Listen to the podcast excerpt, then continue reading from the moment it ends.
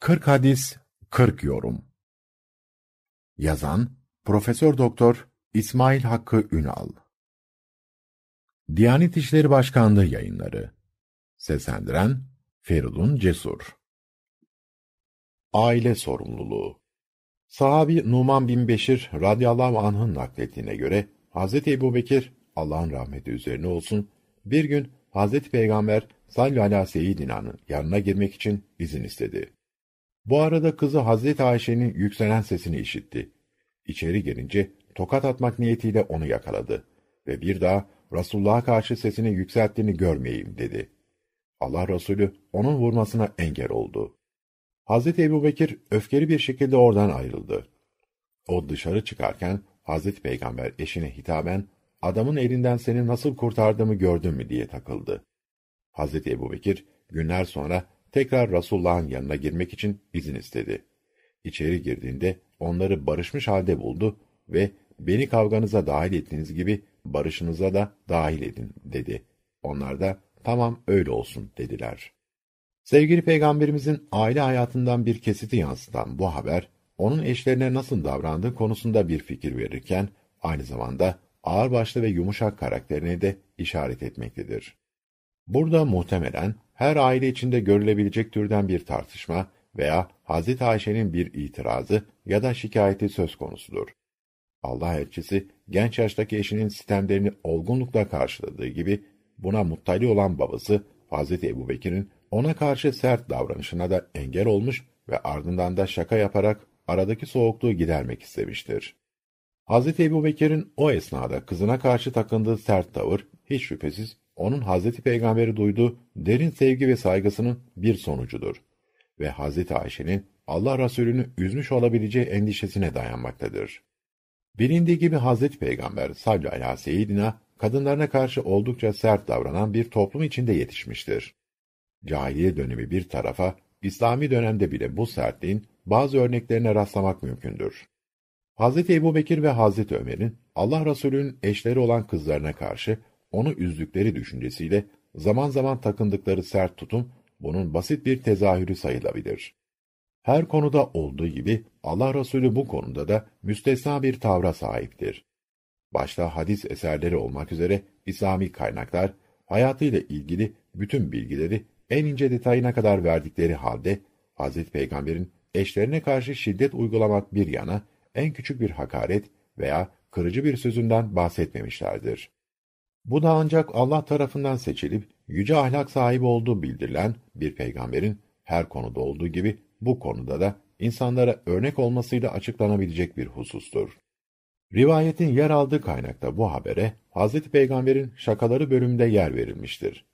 Ancak olayın aile hayatına bakan yönü oldukça önemlidir. Dikkat edileceği üzere Hazreti Peygamber aile içi bir meselede eşi Hazreti Ayşe'ye babasının müdahalesini bile uygun bulmamış ve onun kızına karşı sert davranışına engel olmuştur. Çünkü aile, kişilerin hür iradeleriyle kurulmuş meşru bir beraberliktir ve aile içinde ortaya çıkan problemlerin çözümü ilk önce eşlere düşen bir görevdir. Başkalarından yardım talep etmedikleri ve acil müdahaleyi de gerektiren bir durum olmadığı sürece aile içi problemlere karışmak doğru değildir. Ülkemizde görülen ailevi huzursuzlukların önemli bir kısmında eşlerin, anne babaların evli çocuklarına müdahale ve yönlendirme arzuları rol oynamaktadır. Örneğin bir annenin evli kızına veya oğluna şöyle şöyle yaparsan sana hakkımı, sütümü helal etmem gibi manevi baskı uygulaması çok görülen bir olgudur. Bu baskı her zaman evladın bir harama, günaha düşmesi veya yanlış bir yola gitmesinden dolayı değil, bazen de onların meşru talepleriyle ilgilidir. Örneğin, eşini anne babasına göndermeyeceksin veya dışarı çıkartmayacaksın gibi evli bir erkeğe yapılan ebeveyn telkini gayrimeşrudur. Böyle bir talepte bulunan ebeveyn, günahkar olduğu gibi, bunu yerine getiren evlat da günahkar olur. Böyle meşru isteklere karşı çıkıp, oğullarını, kızlarını, gelinlerini huzursuz eden anne babaların onlara haklarını helal etmemelerinin de bir önemi yoktur. Çünkü ana babasının isteği de olsa hiç kimsenin yanlışa ve günaha boyun eğmesi doğru değildir. Dinimize göre ergenlik çağına gelen herkes kendi yaptığından sorumlu olduğu için Böyle bir durumda karşılaşan kişi, vebali ana babasına yüklemekle sorumluluktan kurtulamaz. Bazı anne babalar, çocuklarının büyüdüklerini kabul etmemekte ve onları her zaman kendilerine bağımlı görmek istemektedirler. Bağımlılık, ebeveyne her zaman gösterilmesi gereken sevgi, saygı, bağlılık ve hizmetten farklıdır. Bağımlı olmak, insanın kişilik gelişimine engel olur. Onun hür iradesiyle ve sorumluluğunu üstlenerek yapmak istediklerine ket vurur. Hayatta, kendi ayakları üzerinde durarak başarıya ulaşmasını zorlaştırır. Aile hayatında, eşi ve çocuklarıyla ilişkisinde genellikle ebeveynin terkin ve baskıları belirleyici olur. Geleneksel aile yapımızda geçmişten tebarüs ede geldiğimiz çok güzel adetlerimizin yanı sıra dine, akla ve vicdana uymayan adetlerimiz de bulunduğu için bu terkin ve manevi baskı bazen olumsuz sonuçlara yol açar. İslam dini birey, aile ve toplum hayatında meşru olanla olmayanın sınırlarını net olarak belirlemiştir. Bu noktadan itibaren her müminin diğerine iyiliği tavsiye ve kötülükten sakındırma, emri bil maruf, nehir anil münker ilkesi gereğince yardımcı olması esastır. Ebeveynlerin yetişkin evlatlarına yapacakları manevi katkıda bu çerçevede olmalıdır. Anne baba yakınlığının bu konuda başkalarına göre bir öncelik hakkı doğurdu şüphesizdir. Ancak iyiliği tavsiye ve kötülükten sakındırma görevinde en belirleyici unsur iman, amel ve bilgi üçlüsü olduğu için bu süreç her zaman ebeveynden evlatlara doğru değil, bazen evlatlardan ebeveynleri doğru da işleyebilir. Örneğin eğitimsiz ve dini yönden bilgisiz birçok anne babanın doğru olanla olmayan konusunda sahip oldukları hayat tecrübesinin dışında çocuklarına verebilecekleri fazla bir şey yoktur. Dolayısıyla onların da eğitimli ve bilgili evlatlarından yararlanmaları emri bil maruf ilkesinin bir gereğidir. Bu idrak içinde olmayan ebeveynlerin evlatları tarafından incitilmeden uyarılmaları, sonuç alınamadığı takdirde saygıda ve hizmette kusur etmeden onlardan gelebilecek yanlış terkin ve yönlendirmelerden uzak durulması gerekir. Bu olgunluk içinde davranabilen evlatlar, onların rızasını da kazanmış olarak hem kendi aile düzenlerine zarar verebilecek, makul olmayan bazı telkinlerinden korunmuş, hem de hayatın zorlukları karşısında onların sahip oldukları tecrübelerden yararlanmış olurlar. Yap ki göresin. Abdullah bin Ömer radıyallahu anh'tan nakledildiğine göre Allah Resulü sallallahu aleyhi ve şöyle buyurmuştur. Atalarınıza iyilikte bulunun ki çocuklarınız da size iyilikte bulunsunlar. Siz iffetli olun ki kadınlarınız da iffetli olsunlar. Hadisi şerif biri ana babaya iyilikte bulunmak, diğeri iffetli olmak gibi iki önemli konuya dikkat çekmektedir. Hadisin ilk kısmında yer alan atalara iyilikte bulunma tavsiyesi, Kur'an-ı Kerim'in birçok ayetinde emredilen bir husustur. Sevgili Peygamberimiz bir yandan Cenab-ı Hakk'ın bu emrini bize hatırlatırken, diğer yandan bunun yöntemini öğretmektedir. Yani siz ana babanıza iyi davranın, onlara saygı ve merhametle muamele edin ki, bunu sizden öğrenen çocuklarınız da size aynı saygıyı göstersin. Bir toplumda aile bireylerinin birbirlerine karşı nasıl davranacakları, dini ve kültürel mirasla aktarılan bir geleneğe bağlıdır. Ve bunun en iyi öğrenileceği mekteplerde hiç şüphesiz aile yuvalarıdır. Dolayısıyla birbirlerine karşı sevgi, saygı, şefkat ve merhamet hisleriyle davranan aile bireylerinden aynı özellikleri taşıyan nesillerin yetişeceği aşikardır. Ebeveynine saygı göstermeyen ve iyi muamelede bulunmayan bir evladın kendi çocuğundan bundan daha fazlasını beklemeye hakkı yoktur. Sözlükte fena ve kötü işlerden uzak durmak, namuslu olmak, haramlardan sakınmak, sabrederek başkalarından istememek gibi anlamlara gelen iffet kavramı dilimizde daha çok namus kelimesiyle karşılanmakta ve cinsel içerikli gayrimeşru davranışlardan uzak durmayı ifade etmektedir. Zina gibi büyük bir günahtan uzak durarak afif yani temiz kalabilmek ve meşru olanla yetinmek, kişinin ahlaki yapısının temel taşını oluşturduğundan, iffet kavramını daha çok namusun korunması bağlamında kullanılması doğaldır. Nitekim Cenab-ı Hakk'ın evlenme imkanı bulamayanlardan Allah'ın lütfuyla bu imkanı elde edinceye kadar iffetlerini korumalarını istemesi bu manayı pekiştirmektedir. Hadis-i şerifinde ifade ettiği gibi iffet, kadın erkek herkes için aynı derecede önemli ve gereklidir. Namus ve iffeti kadınları has kılıp, erkekleri sadece bunun bekçisi gibi kabul etmek, İslami düşünceye aykırıdır. İslam'da herkes yaptığından sorumludur. İyiliklere sarılmak, kötülüklerden kaçınmak, her bireyin sorumluluğunda olduğu gibi, iyiliği tavsiye edip kötülükten sakındırmak da, kadın erkek her Müslümanın görevidir. Dolayısıyla herkes kendi namusunun ve iffetinin bekçisidir. Müslümanlara düşen bu konuda birbirlerine yardımcı olmaktan ibarettir. Namus kavramını kadınla özdeşleştiren yanlış anlayış, kendi döneminde de egemen olduğu için sevgili Peygamberimiz erkeklere hitaben, siz iffetli olun ki kadınlarınız da iffetli olsunlar buyurmuştur. Yani önce siz kadınlarınızda aradığınız o ahlaki özelliği kendi şahsınızda gerçekleştirin ve onlara örnek olun ki onlardan da aynı duyarlılığı bekleyebilirsiniz. Sizin iffetli tutumunuz onlara da örnek olsun. İğneyi önce kendinize batırın ki çuvaldızı başkasına batırmaya hakkınız olsun. İffet uyarısını ilk önce erkeklere yönelten Kur'an-ı Kerim ayetlerinde de bu inceliği görüyoruz. Bilindiği gibi Nur suresinin 30 ve 31. ayetlerinde önce mümin erkeklere, sonra da mümin kadınlara gözlerini haramdan sakınmaları ve ırzlarını korumaları emredilmektedir. Sanki toplumda daha ön planda olan, ailede yönetici pozisyonda bulunan erkeğe bu konudaki sorumluluğu öncelikle hatırlatılmaktadır. Müteakip ayette kadına hatırlatılan hususlarsa karşı cins için cezbedici özellikleri konusunda alması gereken önlemlerle ilgilidir.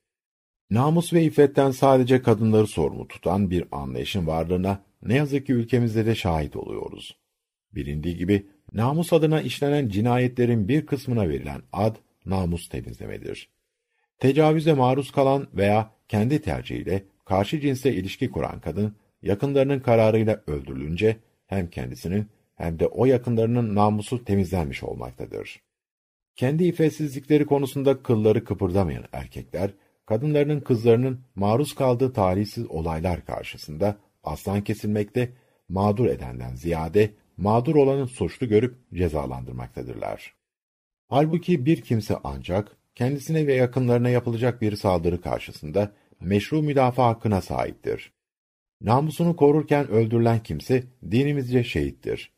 Meşru savunma esnasında öldürülen saldırgandan dolayı da dinen bir sorumluluk doğmaz. Yani ancak böyle zorunlu bir durumda öldürme eylemi kaçınılmaz olabilir. Aksi halde kendi tercihiyle ilişkiye giren veya zorla tecavüze maruz kalan kimseyi öldüren kimse namus temizlemiş olmaz. Sadece cinayet işlemiş olur. Kendisine de cani ve katil denir. Hem bu dünyada hem de ahirette en büyük cezaya müstahak olur. Yakını bile olsa hiçbir günahkar başkasının günahını yüklenmez. Ayeti gereği yakınlarımıza karşı görevlerimizi yerine getirmediğimizden dolayı sorumlu olsak bile onların günahını yüklenecek değiliz. Çünkü her nefis elde ettiği günah ancak kendi aleyhine kazanır. Dolayısıyla namus cinayeti dediğimiz şey aslında kendi ihmal ve sorumluluklarımızın bedelini çaresiz insanlara ödetmekten ibarettir. Kendisinin ve yakınlarının namusuna önem veren kimse, önce onlara karşı akrabalıktan doğan görevlerini yerine getirmeli, iffetli ve nezih yaşantısıyla onlara güzel örnek olmalıdır. Aksi takdirde Ziya Paşa'nın, anlar ki verir laf ile dünyaya nizamat, bin türlü teseyyüp bulunur hanelerinde, beytinde tasvir ettiği kişilerin durumuna düşer. Sözün özü, iyilikleri, güzellikleri başkasında aramadan önce, kendimize dönüp bunların ne kadarına sahip olduğumuzun sağlamasını yapmalıyız. Herkes önce kendisine bakarsa, başkasında kusur aramaya fırsat da ihtiyaçta kalmayacaktır.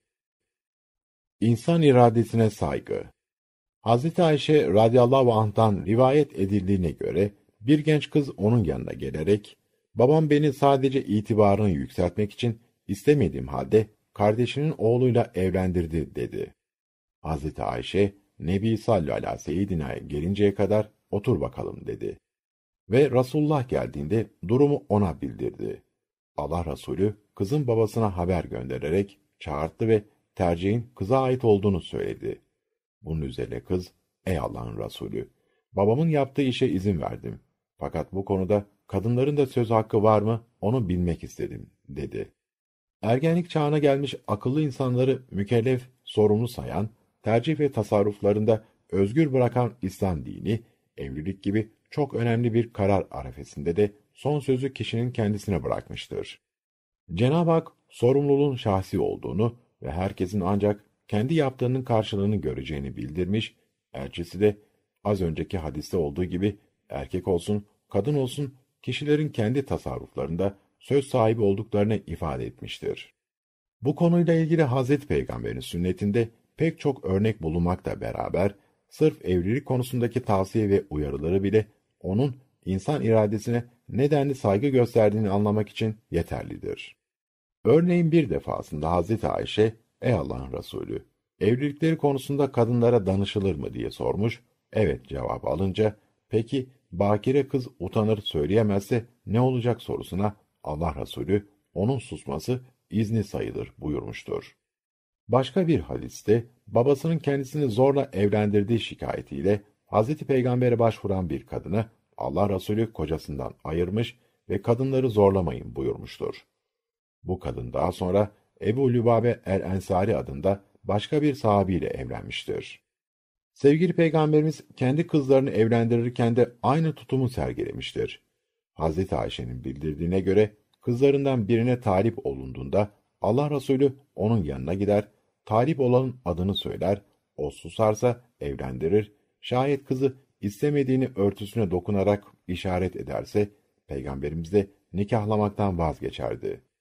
O günkü toplumsal yapıda mevcut olan geleneklerin izleri de görülen bu uygulamada, önemli olan Hz. Peygamber'in kızının tercihini öğrenerek o doğrultuda hareket etmesidir. Bu konuda zikredilmesi gereken diğer bir örnek de Berire rivayetidir. Hz. Ayşe'nin azatlı cariyesi olan Berire, Moiz isminde bir köleyle evliydi. Berire azat olunca kocasından ayrılmak istedi. Fakat Moiz ayrılmak istemiyordu. Bunun için Hazreti Peygamber'in aracılık yapmasını istedi. Allah Resulü, ey Berire, Allah'tan kork. O senin kocan ve çocuğunun babasıdır buyurdu. Berire, ey Allah'ın elçisi, bunu bana emrediyor musun deyince, Hazreti Peygamber, hayır ben sadece aracıyım dedi. Bunun üzerine Berire, benim ona ihtiyacım yok karşılığını verdi.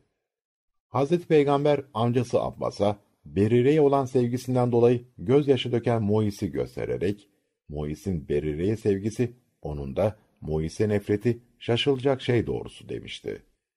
Görüldüğü gibi bu örneklerin hepsi, cahiliye döneminde erkeklerin baskısı altında fazla söz hakları bulunmayan kadınların, Hz. Peygamber sayesinde nasıl bir özgüvene kavuştuklarını ve karşılaştıkları zorlukları bizzat ona anlatarak nasıl haklarını arama çabası içinde olduklarını göstermektedir. Evlilik gibi insan hayatında çok önemli yeri olan bir olayın, kişinin anne baba ve yakınlarıyla istişare ederek ve onların görüş, tavsiye ve onaylarını da alarak gerçekleştirilmesi şüphesiz çok yararlı ve gereklidir. Ancak bu ideal işbirliği her zaman mümkün olmayabilir. Bu takdirde son söz yeni bir hayata adım atacak gençlere aittir. Seçimlerinde isabetli olup olmadıkları ve tercihlerinden dolayı karşılaşabilecekleri olumlu olumsuz gelişmeler tamamen kendi sorumlulukları dahilindedir. Bu noktada ailelerin görevi gençlerin tercihlerine müdahale etmek değil, onlara her konuda yardımcı olmaktır. Bilgi ve tecrübeleriyle onların seçimine katkıda bulunmaktır. Bu konu ülkemiz açısından da belli ölçüde önemini ve güncelliğini korumaktadır. Hala bazı yörelerimizde küçük yaşta olan, hatta rüşt yaşını geçmiş bulunan kızlarımızın kendi görüş ve onaylar alınmadan istemedikleri kişilerle evlendirildikleri bilinmektedir. Bazen babası hatta dedesi yaşındaki insanlara belli menfaatler karşılığında adeta satılan bu kızlarımızın akıbeti ya ömür boyu mutsuzluk veya intihar olmaktadır. Çok eski dönemlerin toplumsal yapılarının ve aile ilişkilerinin doğurduğu otoriter işleyiş ve velinin izninin şart koşulması gibi uygulamalar, dini bir zorunluluk gibi görülmekte, Hz. Peygamber'in az önce örneklerini verdiğimiz tatbikatındaki espri göz ardı edilmektedir. Dolayısıyla gelenek adı altında beşik kertmesi ve berder gibi insan iradesini ve özgür tercihini dikkate almayan yollara başvurulmaktadır.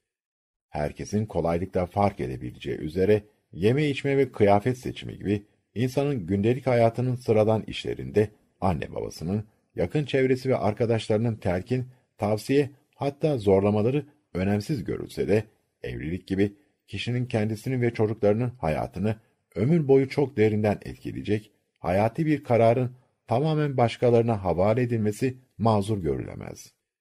Kur'an-ı Kerim'in irade hürriyeti ve şahsi sorumluluğa yaptığı vurgu ve Hazreti Peygamber'in kadın erkek ayrımı yapmadan kişilerin irade ve tercihlerini önceleyen tutumu dikkate alınırsa, mezhebi kaygıların ötesinde ve üstünde İslami bir referans noktasından hareket etmemiz zorunlu hale gelmektedir. Cenab-ı Hakk'ın mükerrem kıldığı ve imtihan dünyasındaki rotasını belirlemede serbest bıraktığı insanın temel hak ve hürriyetlerini kullanırken başkalarının izin ve onayına tabi kılınması aklında dinin de kabul edeceği bir şey değildir. Allah'ın eşit kulları Muhammed bin Sa'd babasından naklediyor.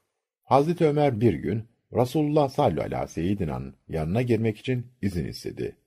O esnada Hazreti Peygamber'in yanında kendisine çeşitli sorular soran Kureyşli kadınlar vardı ve yüksek sesleri Allah elçisinin sesini bastırıyordu. Hazreti Ömer'in izin istediğini duyunca hemen örtülerini düzeltip toparlandılar.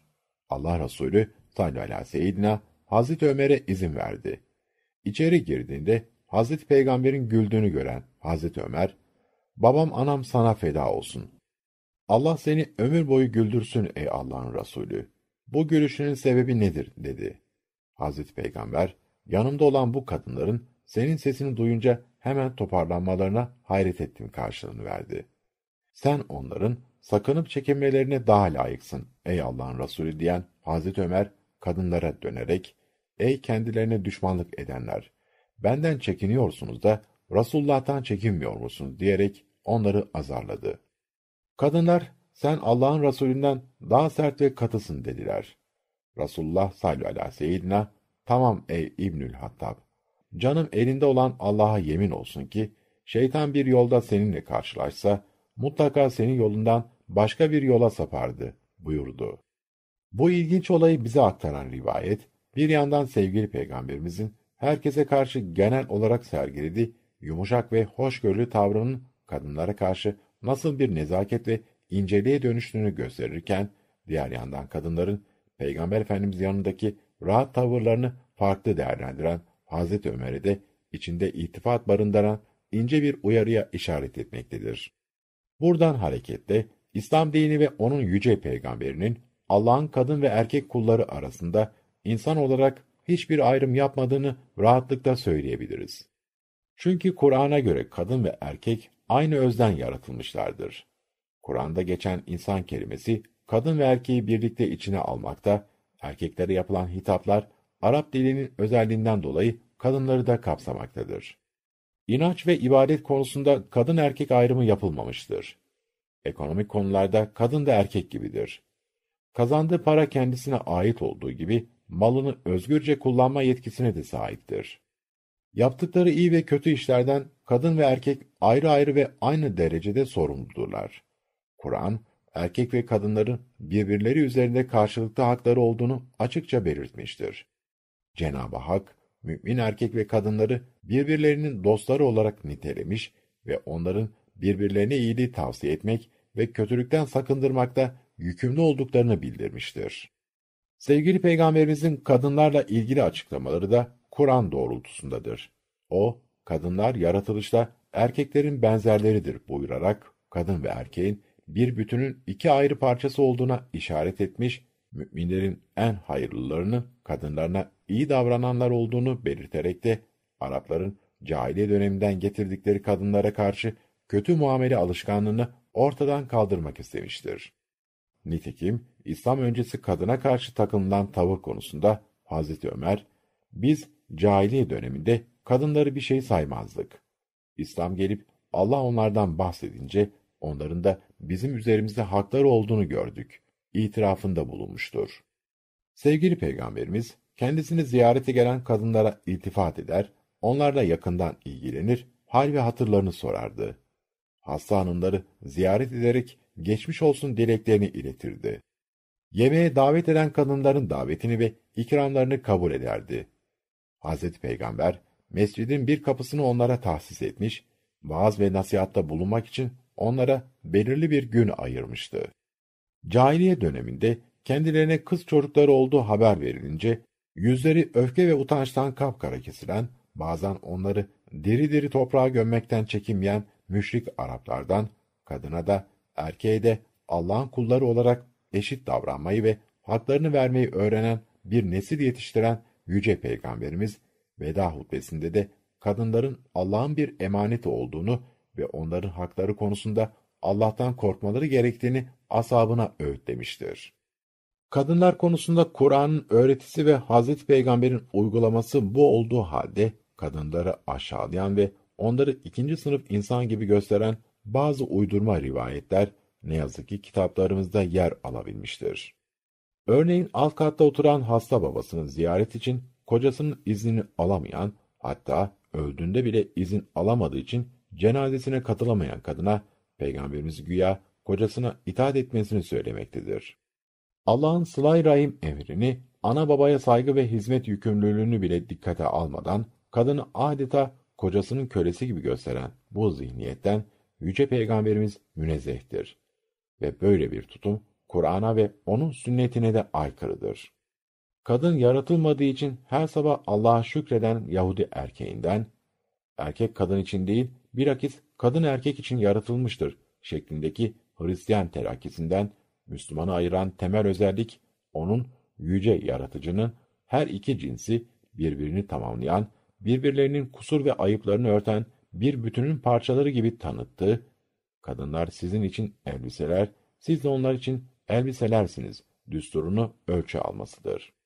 İslam'da fazilet ölçüsü kadın veya erkek olmak değil, takva sahibi olmaktır. O halde muttaki bir kadın bu özelliğe sahip olmayan bir erkekten Allah nazarında kat kat üstündür. Müslüman işte böyle bir anlayışla, yani kadını ve erkeğiyle Allah'ın rızasını esas alan bir hayat felsefesiyle iyiliklerde yarışan, iman ve salih ameli tek fazilet ölçüsü kabul eden bir insandır. Onun erkek veya kadın olması sadece Cenab-ı Hakk'ın hikmetine uygun bir taksimin herhangi bir tarafında yer almış olmasından ibarettir. Yen içinde kalmayan kırık kol. Rubeyye binti Muaviz bin Afra radıyallahu anh'ın haber verdiğine göre Sabit bin Kays bin Şemmaz karısını dövmüş ve kolunu kırmıştı. Karısı Cemile binti Abdullah bin Übey'in erkek kardeşi Resulullah sallallahu seyyidina'ya gelerek şikayette bulundu. Allah Resulü Sabit'e haber göndererek çağırdı ve onda olan hakkını mehir veya hul bedeli al ve onu serbest bırak buyurdu. Sabit peki diyerek kabul etti. Resulullah sallallahu seyyidina kadına kocasının evinde bir hayız süresi beklemesini ve sonra ailesinin yanına dönmesini emretti. Anlamını sunduğumuz hadis, insanlık tarihi boyunca genelde kadının maruz kaldığı baskı ve aile içi şiddete karşı sevgili peygamberimizin fiili tepkisini ortaya koymaktadır. Burada Hazreti Peygamber'in sabite dövme sebebini sormadan karısını boşamasını emretmesi son derece anlamlıdır. Görüldüğü üzere o çoğu zaman yapıldığı gibi aile içinde olur böyle şeyler veya kol kırılır, yen içinde kalır dememiş, mağdur olan kadını böylesine acımasız bir kocanın elinden kurtarmıştır. İşte bu Hazreti Peygamber'in sünneti yani bu konuda bize nasıl davranmamız gerektiğini gösteren örneklidir. Çünkü o evlilik hayatında eşleriyle ufak tefek dargınlıklar yaşasa bile onlara asla el kaldırmamış, hatta kırıcı ve incitici söz söylememiştir. Nisa suresinin 34. ayetini öne sürerek İslam dininin kadına karşı şiddeti onayladığını savunanlar bir yanılgı içerisindedirler. Bu yanılgı o günkü toplumsal yapıda aile içinde eşler ve çocuklarda dahil olmak üzere her şeyin sahibi ve sorumlusu durumda olan kocaların eşlerinden kaynaklanan bir huzursuzluk durumunda bütün seçenekleri bitirdikten sonra son çare olarak onları tedip etmelerini Allah'ın mutlaka yerine getirilmesi gereken bir emri olarak algılayıp yorumlamaktır.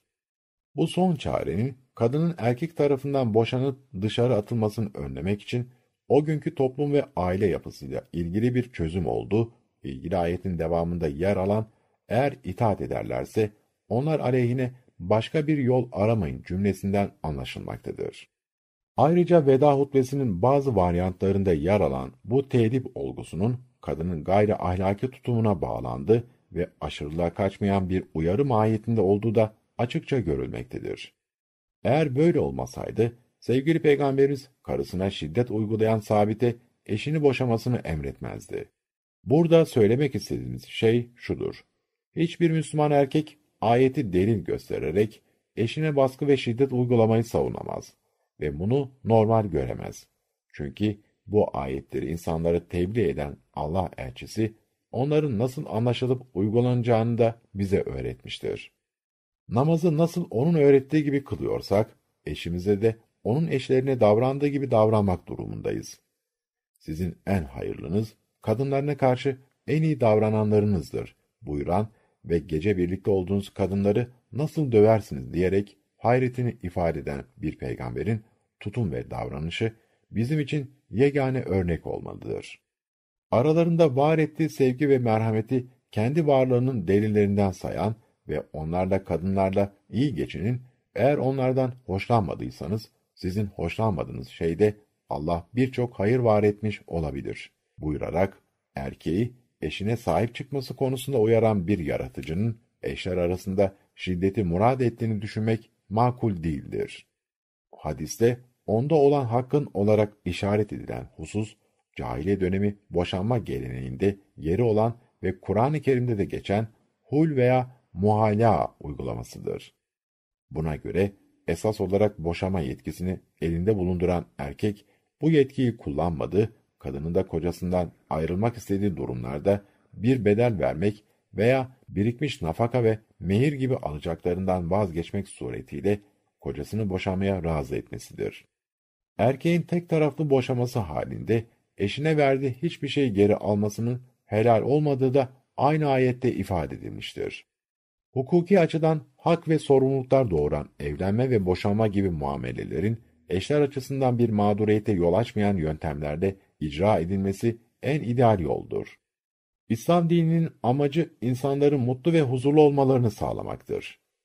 Amaç bu olunca buna hizmet edecek araçların zaman ve zemine göre değişiklik göstermesinin bir önemi yoktur.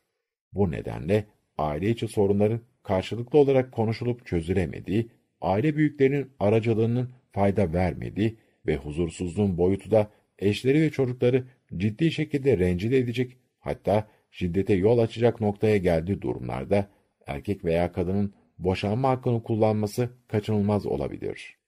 Her ne olursa olsun ailevi sorunların çözümünde şiddetin yeri asla olmamalıdır. Sorunlar medeni bir şekilde konuşup anlaşarak aşılmalı, bu sağlanamıyorsa medeni bir şekilde boşanma yoluna gidilmelidir. Ayrımcılığa izin vermeyen tanıklık Numan bin Beşir radıyallahu anh anlatıyor. Babam malının bir kısmını bana tasadduk etti, bağışladı. Ancak annem Amra binti Revaha, Resulullah sallallahu aleyhi ve seyyidina'yı şahit tutmadıkça buna razı olmam dedi. Babam bana yapılan bağışa şahit tutmak için Nebi sallallahu aleyhi ve seyyidina'ya gitti. Allah'ın Resulü bunu bütün çocuklarına yaptı mı diye sordu. Babam hayır deyince Resulullah sallallahu aleyhi ve seyyidina Allah'tan korkun, çocuklarınız hakkında adil olun buyurdu. Bunun üzerine babam döndü ve o sadakayı geri aldı.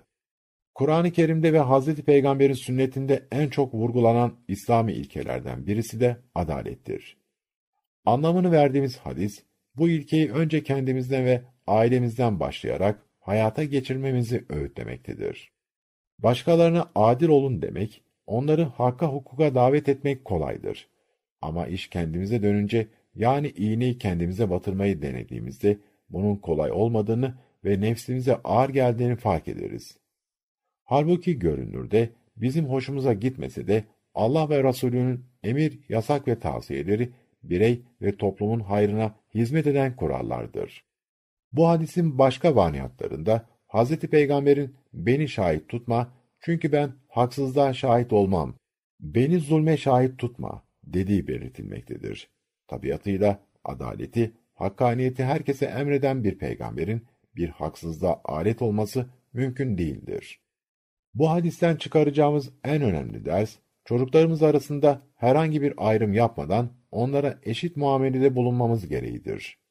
Allah'ın kulları arasında yapmadığı bir ayrımı bizim yapmamız doğru değildir. Kız olsun, erkek olsun çocuklar Allah'ın bir nimeti, ailenin ziyneti ve sevinç kaynağıdır.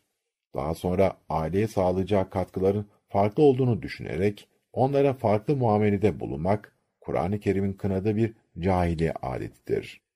Nitekim cahiliye Arapları, erkek çocuğu ileride savaşıp ganimet elde edeceği, tarım, hayvancılık ve ticarette çalışarak kazanç getireceği düşüncesiyle üstün tutarken, kız çocuğu ileride namuslarına halal getirebilecek bir yük gibi görüyor ve birçok haktan mahrum bırakıyorlardı.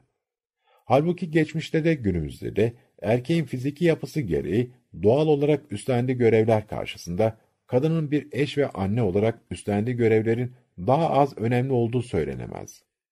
Doğrusu toplumsal yapıya, zamana ve zemine göre farklılaşabilen bu görev taksiminde kadının da erkeğin de yaptıkları iş önemlidir. Bu konuda yapılacak bir karşılaştırmanın doğuracağı tartışmalar önce eşler, sonra da çocuklar arasında huzursuzluğa yol açar ve dolayısıyla bundan aile birliği zarar görür. Aradan 14 asır geçmesine rağmen toplumumuzda hala cahili adetlerine sıkı sıkıya sarılan, adeta bunları kendi örf ve adetleri haline getiren insanların varlığı hem şaşırtıcı hem de üzücüdür. Eğitimde kız erkek ayrımı yaparak kızlarını okula göndermeyen aileler toplumumuzun hala önemli bir problemidir. Kız çocuklarını eğitimden mahrum eden ebeveynler hem onlara hem de onların yetiştireceği çocuklara büyük kötülük ettiklerini sadece kendi nesillerini değil, gelecek nesilleri de etkileyecek vahim bir hata işlediklerini unutmamalıdırlar. Yöneticilerimizin de kız çocuklarının eğitimi önündeki yapay engelleri kaldırarak onların her kademede eğitim öğretim faaliyeti içinde yer almalarını kolaylaştıracak tedbirleri almaları şarttır. Çünkü bir toplum ancak kadınıyla erkeğiyle el ele vererek birlikte hareket edip birlikte aynı çabayı gösterdikleri zaman yükselebilir. Bu da her iki cinsin aynı imkanlar ve fırsat eşitliğine sahip olmalarıyla mümkündür. Kadını geride bırakan ve onu bastıran hiçbir toplum başarıya ulaşamaz. Gerçekçi olmak gerekirse, ailede çocukları büyütüp yetiştiren kadınların, eğitime belki erkeklerden daha çok ihtiyacı ve önceliği vardır. Dinimiz bu konuda hiçbir ayrım yapmadığı gibi, ilim öğrenmek her Müslümana farzdır hadisiyle de herkesi ilme, bilgi edinmeye teşvik etmiştir. Buna rağmen kızlarımızın başta eğitim olmak üzere her alanda geri bırakılmasını dine bağlayanlar veya kendi yanlış geleneklerine dinden destek arayanlar büyük bir yanılgı içerisindedirler. Çocuklar arasında yapılan ayrımın doğurduğu olumsuz sonuçlardan biri de kız çocukların mirastan mahrum bırakılması konusudur. Bilindiği gibi ülkemizde kızlara miras bırakmamak için onlardan mal kaçırma yoluna başvuruldu, az görülen bir durum değildir. Bu yollardan birisi de kişinin sağlığında bütün mal varlığını erkek çocuklarına veya onlardan birine bağışlamasıdır. Halbuki bu uygulama hem Kur'an'ın kadına tanıdığı miras hakkına hem de Hazreti Peygamber'in sünnetine aykırıdır. Dikkat edilirse üzerinde durduğumuz hadiste Hazreti Peygamber kız çocuğunu mirastan mahrum etmek bir yana malının bir kısmını bir oğluna bağışlayıp diğerlerini ayıran kişinin yaptığını haksızlık olarak nitelendirmekte ve bu muameleye şahit olmayı reddetmektedir. O halde her hak sahibine hakkını vermek olarak tanımlayabileceğimiz adalet ilkesini önce kendimizden ve yakınlarımızdan başlayarak uygulamak, iyi bir Müslüman olmanın vazgeçilmez şartıdır. İşi iyi yapmak Hazreti Ayşe radıyallahu anh'tan nakledildiğine göre Allah Resulü sallallahu aleyhi ve şöyle buyurmuştur. Aziz ve celil olan Allah, birinizin yaptığı işi en iyi şekilde yapmasından memnun kalır. Hadis-i şerifin metninde geçen itkan fiili, bir işi sağlam ve hakkını vererek yapmak anlamına gelir.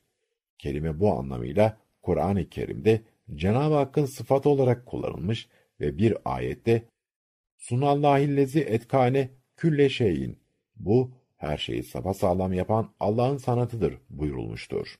Sağlam ve güzel yapılması istenilen iş hiç şüphesiz meşru, yani salih amel türünden olmalıdır. Hazreti Peygamber bir hadislerinde ihsan fiilini kullanarak buna işaret etmişlerdir. Allah size her şeyde ihsanı emretti. Savaşta öldürürken bile güzel öldürünüz. Hayvanı keserken de güzel kesiniz. İhsan genelde iyi ve güzel işler yapmak, ikramda bulunmak gibi anlamlara gelse de hadiste görüldüğü gibi işi iyi ve güzel yapmak anlamını da taşır. Nitekim sevgili peygamberimiz bir hadis-i şerifte ihsanı sanki görüyormuşçasına Allah'a kulluk etmek şeklinde tanımlayarak her zaman ve her yerde yaratıcısını görüyormuş gibi kulluk eden bir müminin her işinin iyi ve güzel olacağına ve yaptığı her işi de en iyi şekilde yapmaya gayret edeceğine işaret etmiştir. Bu yüzden birçok ayeti kerimede Cenab-ı Hakk'ın muhsinleri sevdiği, onlarla beraber oldu ve onları ödüllendireceği ifade edilmiştir. İşini iyi yapan insan hem Allah'a hem de diğer insanlara karşı sorumluluğunu yerine getirmiş bir kişi olarak gönül huzuru içinde olur. Kimseyi aldatmadığı için kazancına haram katmamanın, çoluk çocuğuna haram lokma yedirmemenin manevi zevkine erer. Siyasetten ticarete, bürokrasiden özel sektöre kadar her alanda işini iyi yapan, dünyada da ahirette de kazançlı çıkar. İşini iyi yapmayan, görevini savsaklayan kimse ise kendi ihmalinden kaynaklanan maddi manevi zararların vebalini üstlenmiş olacağı için aslında kendisini aldatmış olur. Yüklendiği kul haklarının hesabını verememesi Allah önünde onu müflis durumuna düşürür. Her alanda gelişmek ve ilerlemek işi iyi yapmakla mümkündür. İnsan ancak çalışmasının karşılığını alacağı için çalışan, işini sağlam yapan, üstlendiği görevin hakkını veren insanlar ve toplumlar yükselmeye layıktırlar. Başarıya ulaşacaklar Müslümanlar veya gayrimüslimler değil, Allah'ın sünnetine uyarak çalışan ve bütün tedbirleri aldıktan sonra sonucu Allah'a havale edenlerdir. Yeterince çalışmayan ve işini hakkıyla yapmayan bireylerden oluşan bir toplumu Cenab-ı Hakk'ın sırf Müslüman olduğu için başarıya ulaştırdığı görülmemiştir. Bugünkü İslam aleminin durumu bu gerçeğin çarpıcı bir ifadesidir. Geçmişte dünyaya örnek olacak parlak bir medeniyet kurdukları için övündüğümüz atalarımız bu başarıya ihlas ve samimiyetle çalışarak, işlerini iyi yaparak ulaşmışlardır. Örneğin asırlara meydan okuyan Mimar Sinan'ın şah eserleri, onun sanat dehasının yanı sıra kılı kırk yaran titizliğinin ve işini en iyi şekilde yapma kaygısının bir sonucudur. Batı'nın Rönesans'ına zemin hazırlayan Orta Çağ'ın İslam alimleri de kendilerinden önce ortaya konmuş diğer din ve kültürlerin birikimlerini hiçbir komplekse kapılmadan değerlendirdikleri için kendi azim ve çabalarıyla yükselttikleri ilim meşalesini onun kıymetini bilenlere devretmişlerdir. Bu meşale bugün Batı medeniyetinin elindeyse bu bizim işimizi asırlardan beri iyi yapmadığımızın ve görevimizi ihmal ettiğimizin bir göstergesidir. Bir toplumun gelişmişlik düzeyi aynen bileşik kaplardaki suyun düzeyi gibidir. Nasıl ki birbirine bağlantısı olan bileşik kaplardan birine konulan su hepsinde aynı düzeyi gösterirse bir toplumun çeşitli katmanları ve devletin farklı kurumları da aşağı yukarı buna benzerlik gösterir. Örneğin eğitim kurumları iyi çalışmayan bir toplumda hem bireyler hem de diğer kurumlar bundan olumsuz etkilenirler. Diğer alanlardaki olumsuzluklar da böyledir. Yani aynı devlet yapısı içinde bazı kurumların çok iyi, bazılarının ise berbat olduğu söylenemez. Görüntü farkı olsa da temel işleyiş çok farklı değildir.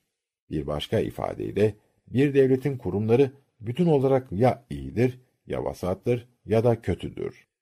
Bu da toplumsal düzeyle yakından ilgilidir. Çünkü bu kurumlarda çalışanlar o toplumun bireyleridir ve düzeyleri o toplumun genel düzeyinden çok farklı olamaz. Ancak işlerin iyi gitmediği bir toplumda her birey ya da her kurum kendisinin iyi, diğerlerinin kötü olduğunu söylemeye çok heveslidir. Bu durumda herkes başkasına akıl öğretmeye kalkışır. Kendisi başa geçtiğinde her şeyin düzeleceğini savunur. Ama hiç kimse kendi görevini layıkıyla yapıp yapmadığını sorgulamaz. Öz eleştiri yapmak yerine kusuru başkalarında aramaya çalışır. Çünkü kötü gidişten sorumlu olanlar hep kendi dışındakilerdir. Bu kimseler için Ziya Paşa'nın anlar ki verir laf ile dünyaya nizamat, bin türlü teseyyüp bulunur, hanelerinde beytini hatırlamamak elde değildir. Halbuki birleşik kaplardaki su düzeyinin yükselmesi ancak ilave suyla mümkün olduğu gibi yöneticisinden sade ferdine kadar herkesin işini iyi yaptı ve üzerine düşen görevi hakkıyla yerine getirdi, yani mevcut duruma ilave bir çabayla katkı sağladığı zaman toplumda, devlet de hak ettiği yere kendiliğinden yükselecektir. Yorumlamaya çalıştığımız hadis, işte bu yalın gerçeği bize hatırlatmakta, işini iyi yapmayanın insanlar nazarında olduğu kadar Allah katında da makbul olmadığını ve kusurlu işten mükemmel sonuç alınamayacağını ifade etmektedir. Dengeli hayatın sırrı Avn bin Ebi Cuhayfe'nin babasından naklettiğine göre, sevgili Peygamberimiz Selman el-Farisi ile Ebu Derda arasında kardeşlik bağı kurmuştu. Bir gün Selman, kardeşi Ebu Derda'yı ziyarete gitti. Hanımı Ümmüt Derda'yı eski püskü elbiseler içinde görünce, bu ne hal diye sordu. Ümmüt Derda, kocasının kendisiyle ilgilenmediğini kastederek, kardeşin Ebu Derda'nın dünyaya ihtiyacı kalmadı karşılığını verdi. Biraz sonra Ebu Derda gelerek Selman'a yemek hazırladı. Selman onun da yemesini isteyince Ebu Derda ben oruçluyum dedi. Selman sen yemezsen ben de yemem deyince Ebu Derda yemeğe katıldı. Gece olunca Ebu Derda erkenden namaza kalktı. Bunu fark eden Selman uyumasını istedi. Bir süre sonra tekrar namaza kalkan Ebu Derda'yı Selman yine ikaz ederek uyumasını istedi. Gecenin sonuna doğru Selman Ebu Derda'yı haydi şimdi kalk diyerek uyandırdı ve ikisi birlikte namaz kıldılar. Namaz sonrasında Selman Ebu Derda'ya şu uyarıda bulundu.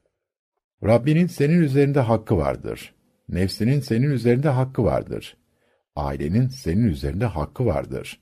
Her hak sahibine hakkını ver. Bu olaydan sonra Ebu Derda, Peygamber Efendimiz'e gelerek hadiseyi anlattı. Hazreti Peygamber, sallallahu seyyidina, Selman doğru söylemiş buyurdu.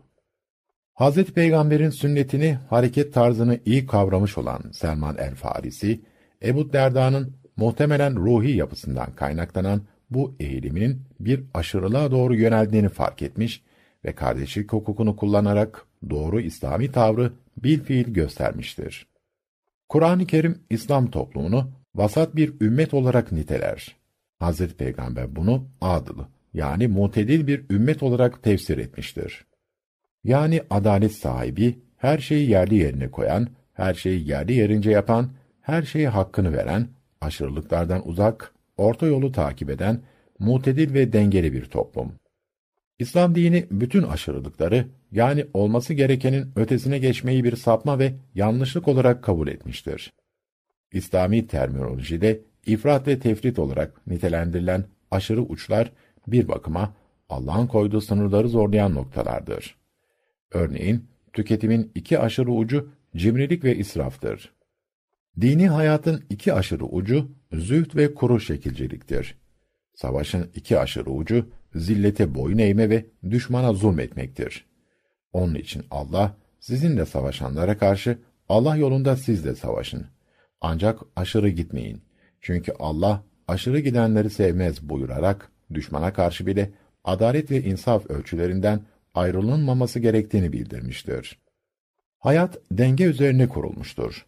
Büyük kainat nasıl hassas bir denge üzerine kurulmuş ve bu dengeden ufacık bir sapmanın bile evrende nasıl büyük felaketlere yol açtığını bilim adamları tespit etmişlerse, küçük kainat olan insanda böyle hassas bir dengeyle yaratılmıştır. Bu dengede görülecek sapmalarda zamanda insanı aşırılıklara götüreceğinden, insanın ruh ve beden bütünlüğünde bozulmalara yol açar. Dolayısıyla dengeli bir hayat için ruh ve beden, madde ve mana, dünya ve ahiret birbirine feda edilemeyecek kutuplardır. Bunlar arasında kurulacak denge, iki tarafa da aynı değeri vermekle değil, az önce ifade ettiğimiz gibi adalet kavramının anlamından hareketle her şeyi hakkını vermekle mümkündür.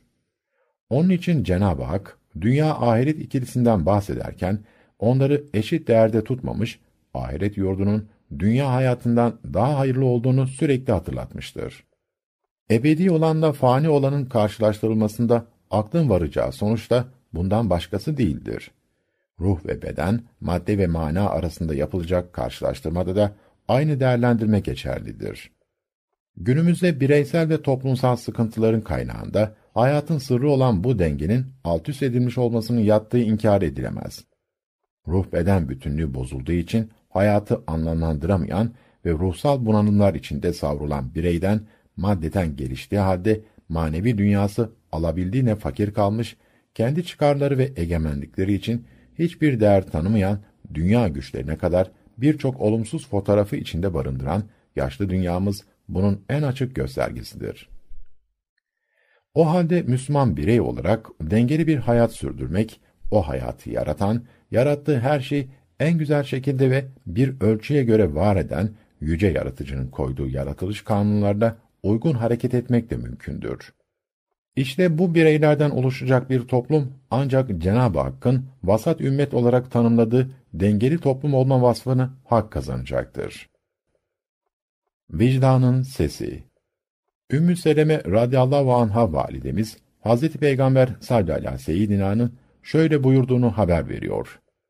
Siz bana hasım, davacı ve davalı olarak geliyorsunuz.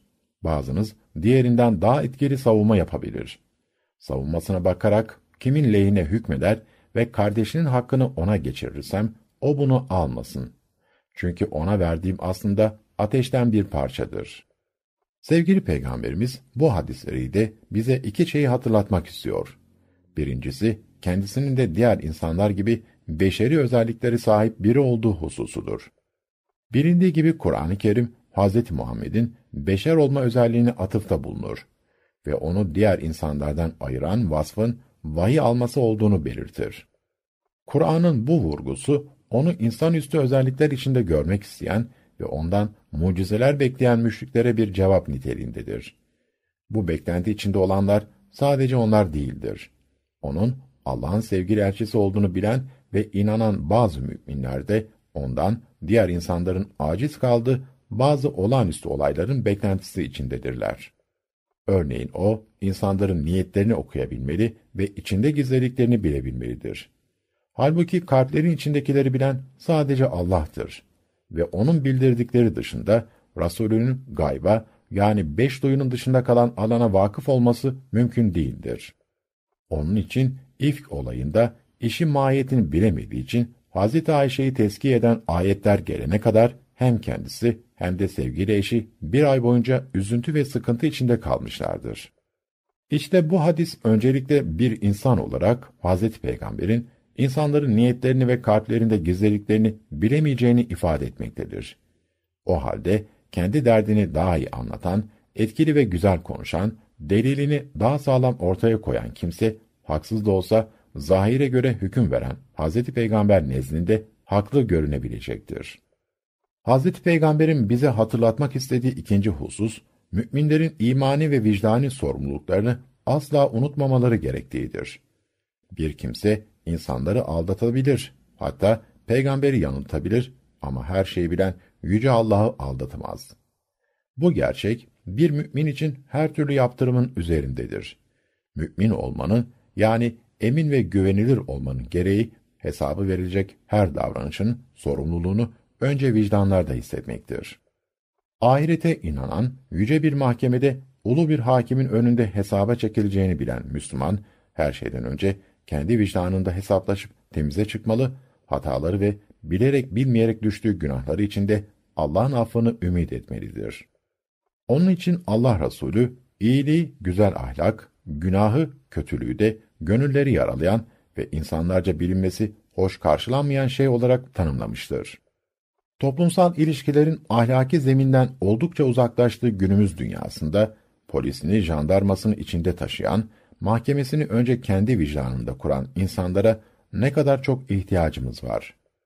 Halkımızın Allah'tan korkmak olarak ifade ettiği ve kork Allah'tan korkmayandan diye vecizeleştirdiği İslami terminolojide de takva olarak bilinen Allah bilinciyle yaşama hali, müminin sahip olabileceği en müstesna vasıftır. Bu yüzden Allah önünde saygı ve haşiyetle eğilen, ondan haya ettiği için huzuruna günahkar çıkma endişesiyle sürekli nefs muhasebesi içinde olan müttaki müminler, Cenab-ı Hakk'ın övgüsüne mazhar olmuşlardır. İşte bu nitelikli mümin, aldatan bizden değildir buyuran sevgili peygamberimize imtisalen aldatmayla imanın bir arada barınamayacağının farkında olacak ve Cenab-ı Hakk'ın şu uyarılarına kulak vererek adaleti hayatının mihveri haline getirecektir. Ey iman edenler! Kendiniz, ana babanız ve en yakınlarınızın aleyhine de olsa Allah için şahitlik yaparak adaleti titizlikle ayakta tutan kimseler olun. Şahitlik ettikleriniz zengin veya fakir de olsalar adaletten ayrılmayın. Allah onlara daha yakındır. Öyleyse adaleti yerine getirmede nefsinize uymayın.